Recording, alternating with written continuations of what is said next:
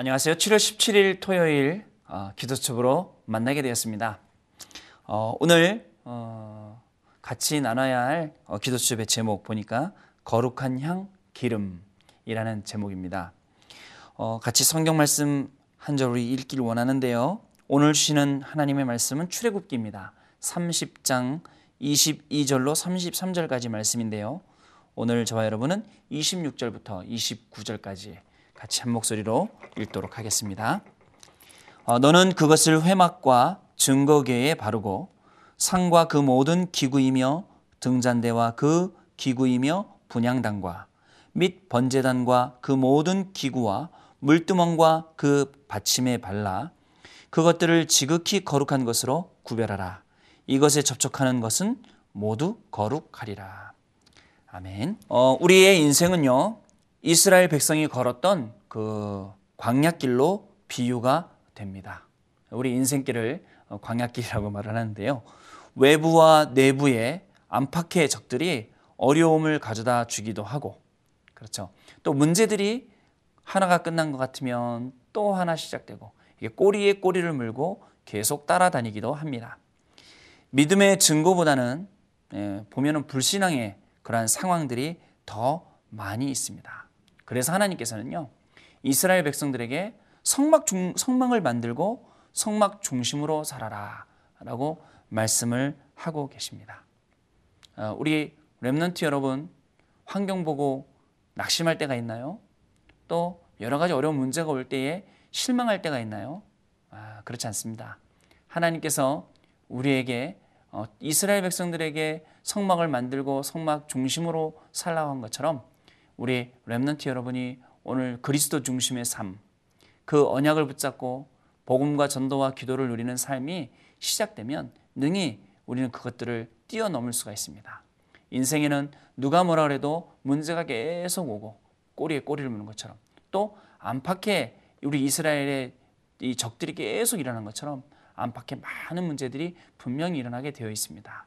그러나 문제를 문제로 보는 것이 아니라 문제 속에 정말 같이 들어있는 그리스도라는 큰 답을 보게 되는 이 눈을 뜨는 것이 중요한데요.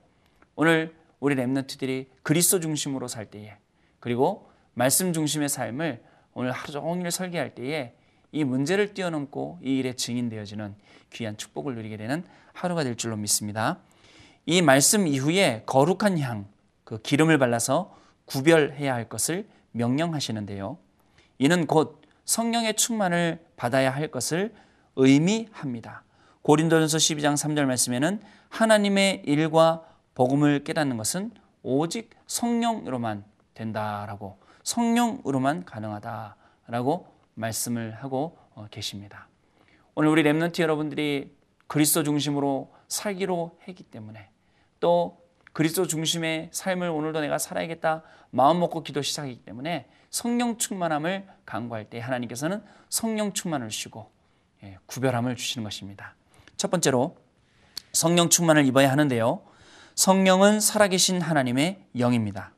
성령의 능력으로만 하나님의 일을 깨달을 수 있습니다. 성령은 친히 우리의 연약함을 도우시고 우리를 위하여 탄식함으로 간구를 하고 계십니다. 다윗도 사무엘상 16장 13절 말씀해 보니까 성령의 기름 부음으로 하나님의 능력을 어, 덧입게 되었습니다. 우리의 힘으로는 되지 않으며 오직 하나님의 성령으로 하나님의 능으로만 된다고 스가랴 4장 6절 말씀은 기록을 하고 있습니다. 또 요엘서 2장 28절 말씀을 보면 하나님의 영이 충만히 임하면 아이들은 장래일을 말하고 청년들은 환상을 보고 또 늙은이들은 꿈을 꾸고 이렇게 말씀을 하십니다. 이 약속은요, 성취될 하나님의 말씀인 것입니다. 성령이 내게 역사할 때에 내, 나의 인생과 나의 오늘의 하나님의 계획이 있음을 알게 됩니다. 성경 속에서 내게 주시는 언약이 무엇인지 알게 되고 이 사실을 아는 것이 최고의 축복입니다. 만약에 우리 랩너트의 삶에 성령 충만이 없다. 그럼 어떻게 될까요? 우리가 어떻게 살아야 할까요?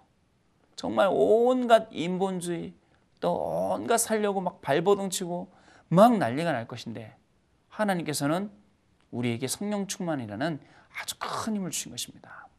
성령 충만한 힘을 얻을 때에만이 정말 여태까지 우리가 뛰어넘지 못했던 많은 한계들 도전하면서 뛰어넘을 수 있고 또 성령 충만한 힘을 얻을 때만이 하나님이 주시는 이 중요한 하나님의 계획들을 이루는 일에 우리가 쓰임을 받을 수가 있습니다.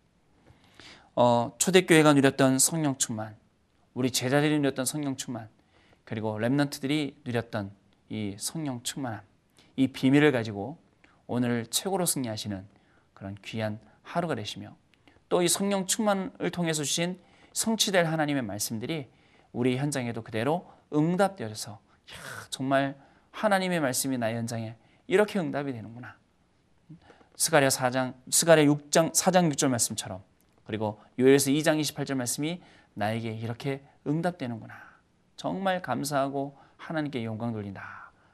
라고 할 정도로의 그런, 그런 귀한 비밀들이 여러분 삶 가운데, 현장 가운데 나타날 줄로 믿습니다. 두 번째로 성령 충만은 최고의 선물입니다. 구약 시대는 예수 그리스도의 그림자를 보고 어, 응답을 누렸습니다.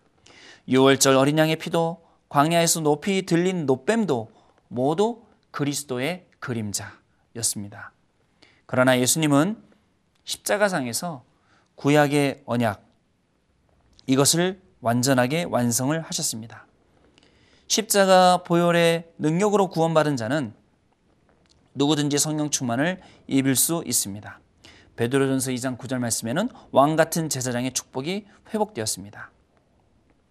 예수님을 믿는 순간 하나님의 자녀가 되는 권세가 임하고 이것을 실제로 믿는 자에게는 일어나는 영적인 사실인 것입니다. 보혜사 곧 아버지께서 내 이름으로 보내실 성령 그가 너희에게 모든 것을 가르치시고 내가 너희에게 말한 모든 것을 생각나게 하시리라. 요한복음 14장 26절 말씀. 이 성령이 지금 나와 함께 계시는 것입니다. 예배와 기도 시간을 통해 묵상을 통해 성령과 방향을 맞추는 것이 중요하지요. 최고의 기도 제목은 성령 충만을 간구하는 것입니다. 성령은 내 삶에 역사하시는 하나님의 능력이기 때문입니다. 자, 하나님의 말씀을 가지고 오늘도 기도 속으로 들어가는 많은 렘넌트 여러분, 그리고 많은 중직자 여러분. 정말 하나님이 주시는 이 중요한 축복을 하나씩 하나씩 발견해낼 때에 성령 충만이라는 것, 성령 인도라는 것이 얼마나 위대하고 또 얼마나 감사한 것인지 모르겠습니다. 우리는요, 정말 많은 일을 하고 많은 현장 속에 살면서 내 수준을 따라가고 그 수준에 벗어나지 못하고 내 지식이나 내 경험을 앞세워서 할 때가 너무나도 많이 있습니다. 저희도 앞장서서 랩런트들하고 같이 일선에서 막 뛰면서 일하다 보면 이렇게 스스로가 자꾸 갇힐 때가 많이 있습니다. 그러나 이것을 뛰어노는 방법이 바로 성령 충만의 힘이고 성령의 인도라는 중요한 키입니다. 오늘 하루를 살면서 정말 한계에 부딪히는 일이 있나요? 또 뛰어넘어야 할 많은 일들이 있습니까? 하나님이 주시는 성령 충만의 힘을 간구해 보시고 또 정말 중요한 결정을 내려야 할 때가 있습니까? 그러면서 집중기도 하면서 중요한 성령의 인도를 받는 어, 귀한 우리 렘넌트의 하루가 되야겠습니다. 또 우리 귀한 중직자의 하루가 이렇게 되야겠습니다. 성령 충만을 힘입고 또 성령 충만이라는 최고의 선물을 또 다른 많은 렘넌트들과 중직자들과 또 나눌 수 있는 그리고 정말 나누면서 하나님께 영광 돌릴 수 있는 귀한 삶이 오늘 하루 새롭게 시작될 줄로 믿습니다. 오늘 많은 우리 친구들과 같이 나눠야 할 포럼의 주제는 오늘 내 영혼과 내 삶의 전 영역에 거룩한 향과 기름 대신 성령께서 충만하게 임하시기를 기도해 보세요. 오늘 성령 충만을 놓고 기도할 때에 그동안 안 되었던 많은 학업들 또 사업들 우리의 업 가운데 중요한 축복이 임하게 될 줄로 믿고요. 또 성령 충만을 놓고 기도할 때에 그동안에 놓쳤던 많은 만남 가운데 제자와의 만남이 시작될 줄로 믿고요. 또 성령 충만을 놓고 간절히 우리 현장을 놓고 기도할 때에 성령 충만한 가운데 현장에 중요한 제자, 중요한 전도, 중요한 지교의 문들이 분명히 열리게 될 줄로 믿습니다. 이런 귀한 하루가 우리 렘넌트의 하루, 중직자의 하루 될 줄로 확신합니다. 기도하겠습니다. 하나님 감사를 드립니다. 우리를 거룩하게 구별하시기 위해서 우리에게 성령 충만함을 주니 감사를 드립니다. 렘넌트들이 또 중직자 한 분 한 분이 오늘 현장에서 성령 충만을 놓고 간구하다가 하나님이 주시는 이 성령 충만함 가지고 모든 것을 살려내고 모든 일에 증인되어지는 귀한 축복이 많은 귀한 하루가 되도록 주의 성령께서 역사하여 주옵소서. 성령 충만한 가운데 주셨던 많은 응답들이 성경 속에만 국한되어 있는 응답이 아니라 우리 렘넌트 삶 가운데 우리 중직자 삶 가운데 시작되는 귀한 응답 되도록 주의 성령께서 역사하여 주옵소서.